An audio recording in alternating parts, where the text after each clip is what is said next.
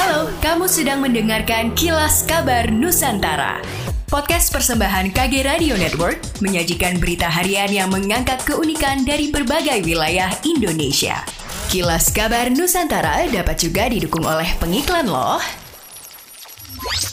Dalam rapat kerja tim percepatan penurunan stunting dan Satgas Percepatan Penurunan Stunting Sulawesi Utara dan Kabupaten Kota, Tino Tandayu, Kepala BKKBN Sulawesi Utara menyebut, dari 15 kabupaten dan kota di Sulut, hanya 6 kabupaten dan kota yang berhasil menurunkan angka prevalensi stunting, yaitu Kabupaten Kepulauan Sitaro, Kabupaten Bolang Mongondo, Kabupaten Bolang Mongondo Selatan, Kota Tomohon, Kota Manado, dan Kabupaten Minahasa Selatan. Selain itu, Tino juga menyebut ada sekitar 5 kabupaten dan kota yang prevalensi stuntingnya naik, yaitu Kabupaten Bolang Mongondo Timur, Kota Bitung, Kabupaten Minahasa Utara, Kabupaten Minahasa Tenggara, dan Kabupaten Kepulauan Talaut. Sebanyak 30 koperasi di bawah binaan Dinas Koperasi dan UKM Kalimantan Selatan rencananya akan menjalani penilaian kualitas atau pemeringkatan pada tahun ini. Kepala Dinas Koperasi dan UKM Kalimantan Selatan Gusti Yanuar Norifai menjelaskan jumlah tersebut meningkat dari tahun lalu yang hanya 13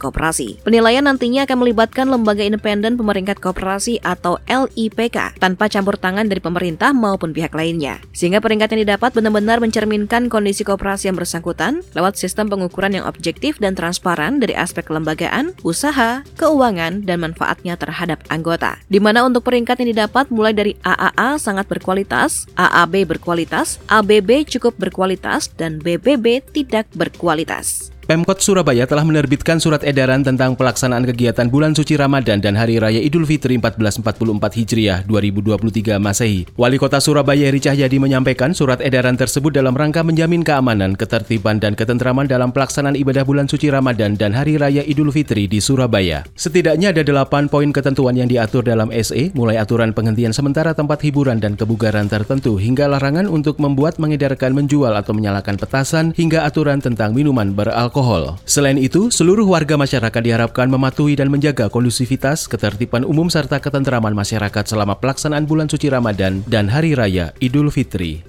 Demikianlah kilas kabar Nusantara malam ini.